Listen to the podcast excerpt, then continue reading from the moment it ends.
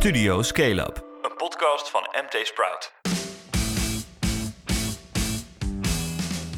Dames en heren, van harte welkom bij Studio Scale-up, de wekelijkse nieuwspodcast van MT Sprout, waarin wij het laatste nieuws doornemen over startups, over scale-ups en over de incidentele fuck-ups. Mijn naam is Remy Gieling en aan de andere kant van de digitale ether, ergens in Nederland, ik weet niet waar, zit niemand minder dan Philip Buters. Ja, vanuit een zonovergrote, ja, nee, dus Goesbeek, Gelderland. Goesbeek. Hoe je daar nou weer terecht bent gekomen, Flip. Met de camper via Camp Toe. Oh, echt waar? Heb je een campertje gehuurd? Ja, helemaal, ja, nou oké, niet te veel privé dingen verklappen, maar eh Camp Oh, mijn vakantie natuurlijk is er. of Koolboernie kun je ook naartoe. Ja, het is vakantie en je moet wat. En we willen niet langer in onze eh, kapitale, eh, hoe heet het, Amsterdamse benedenwoning weggerotten. Dus we gaan nu maar schibbelen in, eh, in een camper. En dus ja, het is leuk. hey, eh, slecht nieuws. TechLeap die heeft ons ingehaald. Ja, dat is toch het bewijs. Hè? Jij kunt gewoon niet op tegen Constantijn van Oranje. You're no Connie, mister. Nee, dat blijkt, dat blijkt. Nou ja, vorige week waren we inderdaad hoger, of tenminste waren we hoog in de toplijstjes. eh, voor, hadden we TechLeap ingehaald van de van beste podcast in de categorie entrepreneurship in Nederland. Daar waren we heel blij over. Maar de, ja, de, de allure van Constantijn en de grote namen hebben ons eh, parten gespeeld. Ik had vandaag een interessant webinar. Eentje van eh Endite, een virtual summit noemden we het. Met een all-star female panel. En het was echt een feest. Behalve dan dat de techniek absoluut ruk was. Oké, Eh, namen, dat stu- namen. Wie Studio zat in moet je nooit naartoe.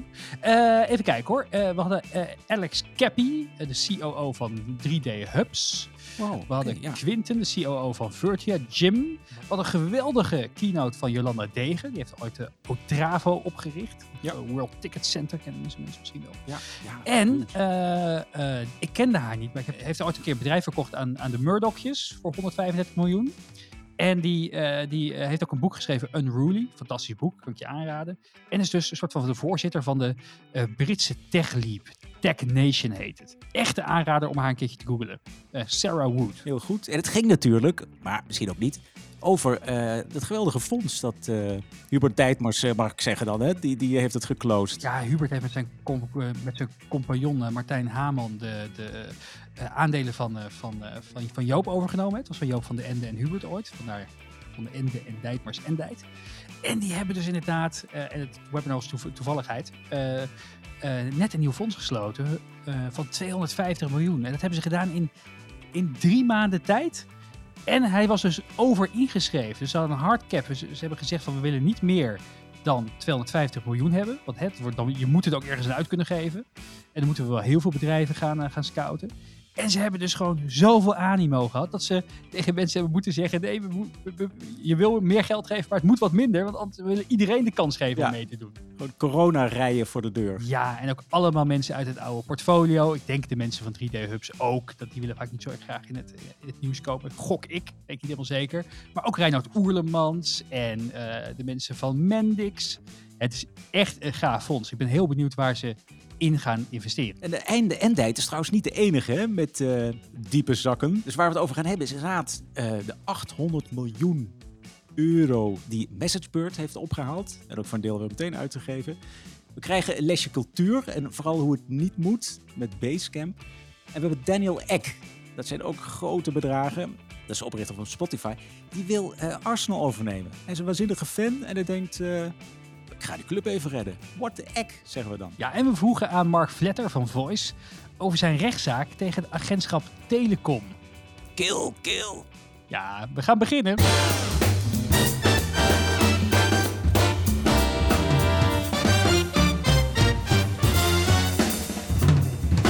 Het eerste onderwerp, Basecamp. Ja, eh, Flip, jij moest het even opzoeken. Ik wist dit. Ehm, dus leg jij het maar uit. Wat is Basecamp? Oh, oh ja, nee, het, kwartje ging wel vallen. Nee, ze zijn, ze zijn echt een household name. Een heel bekende naam eh, in eh, project management software. Dus echt collaboratietools leveren ze. Volgens mij alle scale-ups werken ermee. Ja, ze doen het ook al 21 jaar. hè. Kennen uw SaaS-klassiekers, heer Buters? Ja, ze heten pas een paar jaar Basecamp. Dus toen ze in 19- 1999 zijn ze opgericht. Ik was erbij. Toen heten ze anders. 37 nog iets. Ik ja, wil er vanaf 37 Signals. Si- Signals, eh, ja, zoiets. Iets in Dat. Basecamp was echt hun, hun flagship product. Dat is echt, ja, dat wordt door heel veel mensen gebruikt. Dus nu heet de hele tent Basecamp. Maar wat er gebeurde, ze staan bekend natuurlijk als een, als een heel progressief bedrijf. Ook de cultuur kreeg heel veel aandacht. Ze zijn echt, eh, ja, ze lopen gewoon voorop in hoe je, ook met name hoe je goed met werknemers omgaat. Jason Fried en eh, David Heinemeier Hansen. Maar lo en behold, begin deze week kwam er een memo waarin ze gewoon zeggen: Sorry mensen, eh, we gaan ophouden met politieke discussies binnen ons bedrijf. En eh, oh ja, by the way, we houden ook op, ook op met paternalistische extraatjes. Dus geen gym van de zaak, geen tegoedbonnen voor de farmers market. We gaan jullie echt niet meer voorschrijven hoe je gezond en, en, en, en ook opleidingsbudget snijden ze in. We stoppen ook met 63 graden feedback. En ehm, eigenlijk de hele democratie ging op de schop. Ja, dit was altijd wel een beetje mijn, mijn liefdesbaby als het over internationale scale-ups ging. Hè. Het, was, het was een heel vrij bedrijf. Het was, eh, ze, ze, ze werkten al heel lang alleen maar remote. Dus iedereen zat over de hele wereld. Ze hebben er ook boeken over geschreven. Ik heb ze allemaal gelezen. Remote is een boek van ze. Eh, maar ook eh, eh, It Doesn't Have to Be Crazy at Work en Rework. En die David Heinemeier Hansen is dan weer een Deen die ook Ruby on Rails heeft bedacht. Dat is een van de veelgebruikte programmeertalen. Ja, ja. Ehm, Het zijn wat- helden. Maar ja, het zijn echte helden. En, en, en, en er is dus echt wel een grote discussie losgegaan. Want niet iedereen is hier blij mee. Zo ook Robert Gaal. Die hebben het bekende Ne- Nederlandse in de, in de scale-up scene. En die zegt, please light a candle for all newly born libertarian founders following in the footsteps of Basecamp and Coinbase today. They'll be remembered, but mostly by progressives looking at for work at other companies.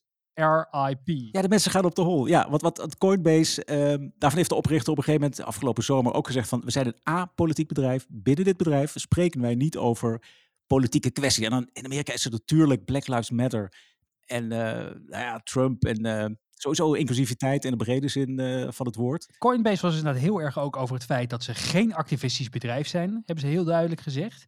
En wat ik ook alweer opvallend vond van, eh, van, eh, van, van, van, van, van Jason Fried in zijn blog. Dat hij ook schrijft van ja, jongens, wij, wij, wij zijn geen missiegedreven bedrijf. Wij hebben geen purpose. Onze purpose is dat we gewoon software willen maken. Zodat onze klanten Ja. geholpen zijn. Hou eens Dus- op.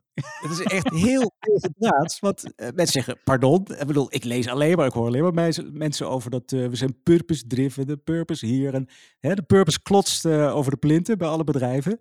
Klanten vragen erom. je moet positie nemen, innemen in die maatschappelijke discussie. Zeker over Black Lives Matter in, in Amerika. Zij zeggen gewoon, nee, niks mee te maken. Een bedrijf is op zich ook een product. Het is ons bedrijf, het is ons product. Wij ontwikkelen het door en nou ja, we worden gewoon een ouderwets bedrijf. We gaan gewoon mooie dingen maken. Verder eh, geen gouden hoer. Zo groot is Basecamp trouwens niet. Hè? Het product is huge, maar het, het zijn 58 medewerkers. Van wie, van wie 20 te veel aan het eh, discussiëren waren over eh, wat het bedrijf voor een stelling moest nemen. Of, Ze hebben heel weinig medewerkers, maar dat is dus eh, hun kracht. Ze hebben een heel simpel businessmodel. Ze zeggen je kan ze software gebruiken voor 100 euro per maand. Maakt niet uit hoe groot je bedrijf is, hoeveel medewerkers je hebt, hoeveel klanten. Altijd is het 100 euro per maand. Ze hebben 120.000 van die klanten. Dus elke maand komt er gewoon 12 mio op de rekening binnen, binnen kletteren. En ja, daar moet je dan eh, eh, eh, krap 60 mensen voor betalen. Dat is wel hyper rendabel natuurlijk. ja, dat, dat blijft dan voortaan beperkt tot een salaris. Eh, behalve voor de mensen die dit niks vinden. Hè? Er is al een severance package voor de mensen die, die dit echt niet eh pruimen. Van Maar wat, wat, wat, wat, wat zijn je favoriete journalist hierover? Die zijn Ja, Casey? Newton. Nee, dus het gaat toch echt draait om een lijstje met grappige klantennamen. Dat is ooit een paar jaar geleden aangelegd door collega's. En op die namen, daar zitten natuurlijk ook namen tussen van mensen met een niet-Amerikaanse achtergrond. Weet ik veel, een andere cultuur. En ja, eh, lachen over namen die je dan zelf toevallig niet kunt uitspreken. Wij bezondigen ons er ook af en toe aan dat we, nou ja, dat is gewoon not done. Dat, sommige mensen vinden het racistisch. Dat is het denk ik ook. En dat is wat Fried ook onderkent. Het is gewoon een, een vervelend lijstje. En hij wil er van af zijn. Zou jij het eh, zo hebben aangepakt, Flip? Ja, lastig. Het is een klein bedrijf. Volgens mij zou je er gewoon een plenaire sessie bijna aan kunnen wijden, toch? Maar, maar dan niet in clubjes. Dus niet een commissie waar dan de ene helft wel lid van is en de andere helft niet. Ja, dat is toch te snel. Afschrijven als nou, mensen draven door. En, eh, want een, een onderwerp als diversiteit, inclusiviteit kun je niet over doordraven. Sorry. Het is, Dat, ja, dat is dat, precies. Dat is pas paternalistisch. Dat je gewoon inderdaad mensen gaat zeggen dat ze wel en niet meer mogen, mogen Ja. spreken tijdens werktijd. precies. Hij, hij schiet zich in de voet. Wat een paternalist zeg. Wegwezen daar. Dan gaan we door naar het tweede onderwerp. We spraken met ja, een van onze favoriete ondernemers, Flip, Mark Vletter van Voice, het, uh, de, de, de VoIP-provider uit, uh, uit Groningen. En, uh, maar die, is, die, ja, die stond in één keer voor de rechtbank. Wat had hij nou weer gedaan? Nee. nee. ja, ze hebben al heel lang inderdaad een, een akkefietje met, met het, het, het agentschap Telecom. En Mark legt even uit waarom die voor de rechtbank mocht verschijnen. Jouw telefoonnummer en je adresgegevens staan in twee centrale overheidssystemen. Het ene systeem wordt gebruikt als je 112 belt. Zo kan de politie of brandweer snel ter plaatse zijn. Het andere systeem, het zogenaamde SEALed systeem of de SEALed database, wordt gebruikt als je wordt verdacht van een strafbaar feit. En iedere 24 uur sturen alle providers van Nederland de meest up-to-date gegevens naar deze systemen. Nou is die SEALed database en het opvragen van de gegevens hieruit niet veilig. Dat blijkt al 15 jaar uit auditrapportages. Daarom stelde ik namens Voice in 2009 de vraag aan de beheerders van de database of zij konden garanderen dat deze gegevens veilig waren. 12 jaar touwtrekken volgde, maar een eenduidig antwoord kregen we nooit. De toezichthouder, verantwoordelijk voor een veilig en verbonden Nederland, al dus hun website, was er klaar mee en legde ons een boete en een dwangsom op als we niet aansloten op die database. En vooral die dwangsom was hoog genoeg om pijn te doen. En dus sloten we ons aan, maar we gingen in beroep tegen die boete. En dus mocht Voice vorige week bij de rechter in het mooie Rotterdam verschijnen. Met vijf mannen en vrouwen, ieder expert op hun gebied, stonden wij klaar om de vragen van de rechter te beantwoorden. Het ging niet om de 5000 euro hoge boete. We hebben alleen dit jaar al vier keer dat bedrag uitgegeven aan externen die onze systemen testen op hun veiligheid. Het aanvechten heeft een ander doel. Het moet de vraag beantwoorden wie verantwoordelijk is voor de veiligheid van die data die wij aanleveren. En daarmee beantwoordt het de vraag wie er verantwoordelijk is als het fout gaat. De rechter was buitengewoon goed voorbereid en had zich goed ingelezen. Hij wist exact de juiste vragen te stellen. Ik weet niet wat de uitkomst zal zijn, maar het voelde goed om er te staan. Om de principes waar je namens je organisatie voor staat te mogen verdedigen. Daarna is het aan de rechter die de afweging maakt over hoe de wet geïnterpreteerd moet worden. Dat je de staat via de rechter ter verantwoording kunt roepen, emotioneerde mij. Het is net als privacy een verworven vrijheid die we te eenvoudig aan de kant schuiven. Ergens voelde het ook raar. Het voelde namelijk alsof wij een boete krijgen terwijl het SEALD haar zaken niet op orde heeft. Die roept al 15 jaar dat ze zich wel een beetje beter aan de wet houdt dan het jaar daarvoor. Moet je dat verhaal eens omdraaien? Dat een crimineel ieder jaar opnieuw bij de rechter komt omdat hij zich niet aan de wet houdt en dat hij ermee wegkomt door te zeggen: Ja, maar ik doe het beter dan vorig jaar. Het was overigens niet de eerste keer dat we de staat aanklaagden wegens een privacy-kwestie.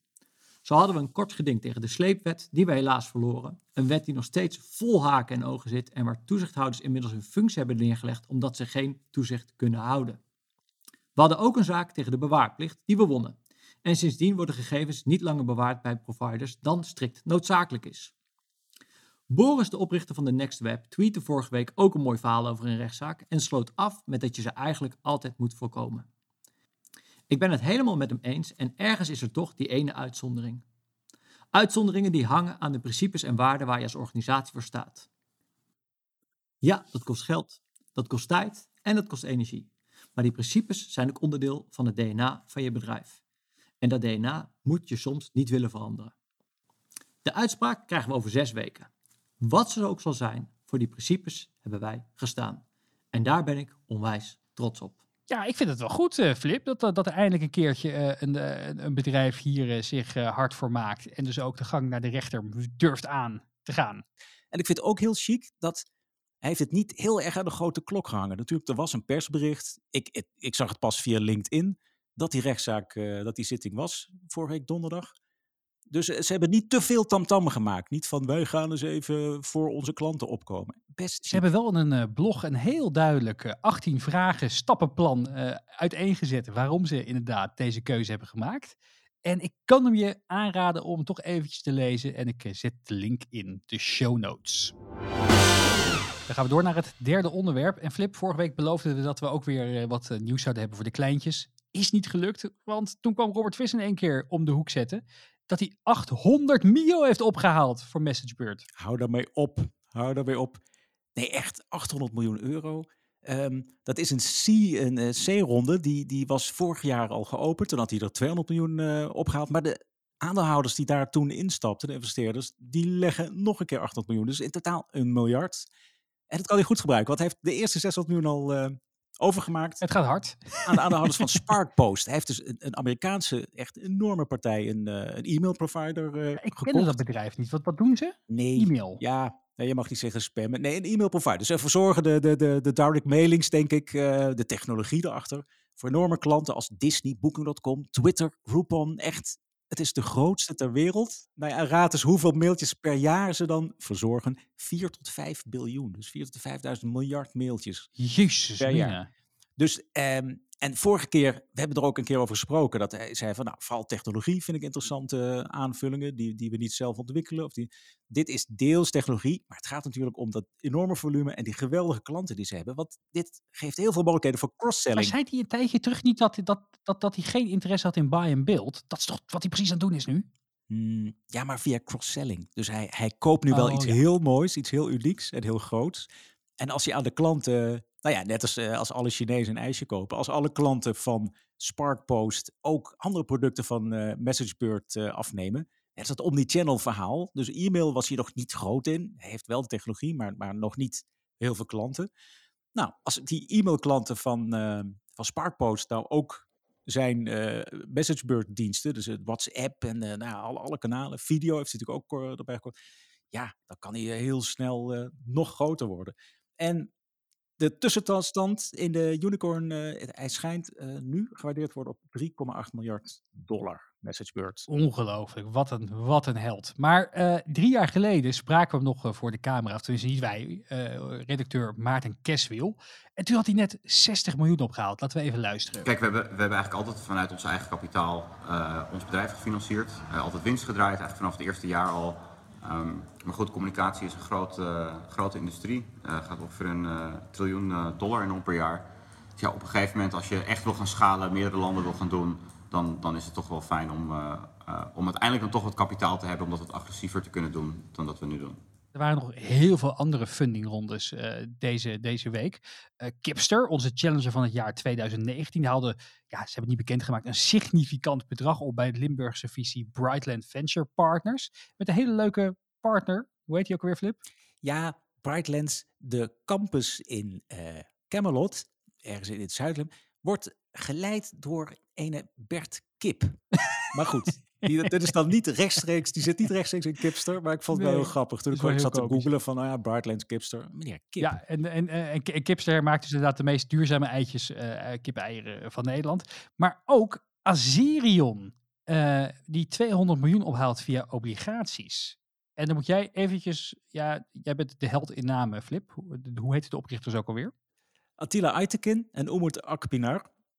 En Attila Aytekin, die is eigenlijk best bekend, vooral als een succesvolle eh, Nederlandse ondernemer met een Turkse achtergrond. Dus hij kwam op zijn vierde naar Nederland. eh, eh, en eigenlijk, eh Azerion is een heel spannend bedrijf, want dat is ook weer enorm, maar dat is echt buy and build. Hij is begonnen ooit met Triodor. Hij bouwde software, volgens mij deels met een, met een fabriek in, in, in Turkije. Dus dat, dat was gewoon, ja, niet, niet sexy, maar gewoon echt een keurig bedrijf. En hij was echt met een man of honderd volgens mij. En hij was ja, ook echt zichtbaar als hè, succesvolle Nederlands ondernemer met, met een eh, biculturele achtergrond.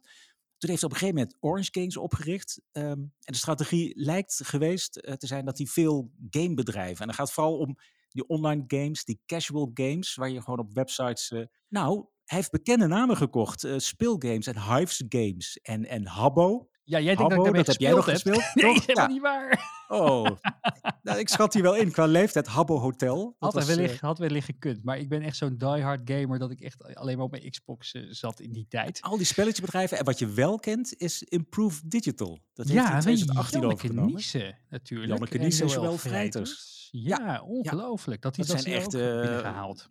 Ja, dat zijn echt onze female founding heroes. Eh, dat heeft hij samengevoegd. Dus dat, dat is echt een, een, een digitale advertentiebedrijf. Maar goed, dit bedrijf telt dus nu gewoon eh, eh, 850 medewerkers. Heeft 350 miljoen unieke gebruikers. Ja, meer dan Ook 200 weer. miljoen omzet. 250 miljoen volgens mij in, in 2020. En dat is ja, nog steeds geen grote bekende. Maar binnenkort wordt het bekender, want hij heeft al, eh, al, al, al een jaar, zegt hij van, we zijn op weg naar een echte IPO. Maar ja, in de aanloop daar naartoe heeft hij dus 200 miljoen, een obligatielening van 200 miljoen uit, uh, uitgeschreven. We weten niet de rente. De vorige, die was, uh, dat was 60, 72,5 miljoen uiteindelijk in 2020. Heeft hij ook via de, een, een genoteerde obligatielening uitgeschreven. Daar was de rentevergoeding 8,5 procent. Dus dat geeft wel aan dat toen uh, het groeit super hard, maar het is nog niet heel winstgevend. En het eigen vermogen is ook niet, uh, niet heel groot. Hij zegt zelf, nou, als ik al die uh, gamebedrijven uh, ga herwaarderen, dan zit ik zo op een miljard. Dus ik ben eigenlijk al stiekem een unicorn. Dus uh, zelf heeft er alle vertrouwen in. Nou, en... houd in de gaten ook, hè? Techliep. Ja. Nieuwe unicorn. En dan het laatste onderwerp van vandaag. voetbalclubs zijn namelijk in trek bij founders. In dit geval Daniel Eck van Spotify, die samen met Dennis Bergkamp onder meer Arsenal wil kopen. We gaan even luisteren wat, uh, wat Daniel Eck hier zelf over te zeggen heeft. I've been an Arsenal fan since I was eight years old. Arsenal is my team. I love the history. I love the players. Uh, and of course, I love the fans. So, as I look at that, I just see a tremendous opportunity to set a real vision for the club to bring it back to its glory. And I want to establish trust with fans and I want to engage the fans again. So, to answer your question, I'm very serious. Um, you know, uh, I have secured the funds for it, and I want to uh, bring a what I think is a very compelling offer to the owners, and I hope they hear me out. Ja, het is eigenlijk een beetje, het is eigenlijk een beetje een Amerikaans model. Hè? Die, normaal gesproken zijn het altijd de Amerikanen die allemaal honkbal, baseball, basketbal clubs kopen. Um, en nu uiteindelijk ook dus uh, Europese founders. Ja, na, naast uh, de Russen en de Chinezen en, en God weet, uh, ik ben niet zo'n voetbalfanaat. Hè? Ik heb een beetje een hekel uh, ook aan ja, het spel ik ook. zelf. Ik heb er helemaal, helemaal niks mee. Maar vaak zijn het een beetje uh, loesje figuren of, of ja, succesvolle zakenmannen, maar niet, niet echt scale-up ondernemers. Dus die Daniel Eck is dan wel echt een vreemde eten erbij. Ik, ik ken ook in, in Amerika heb je natuurlijk Mark Cuban, zo'n shark uit de Shark Tank. Ja, die heeft, die heeft dan een Dallas Mavericks, een NBA-team. Ja, en, en Steve Ballmer heeft er een. Nou, dat is ook niet heel fijngevoelige tech-nerd nee, of zo. In de, de, de, de, zijn oude baas Paul Allen, inmiddels uh, overleden, uh, ook co-founder van Microsoft, die had ook weer ergens een of ander ja.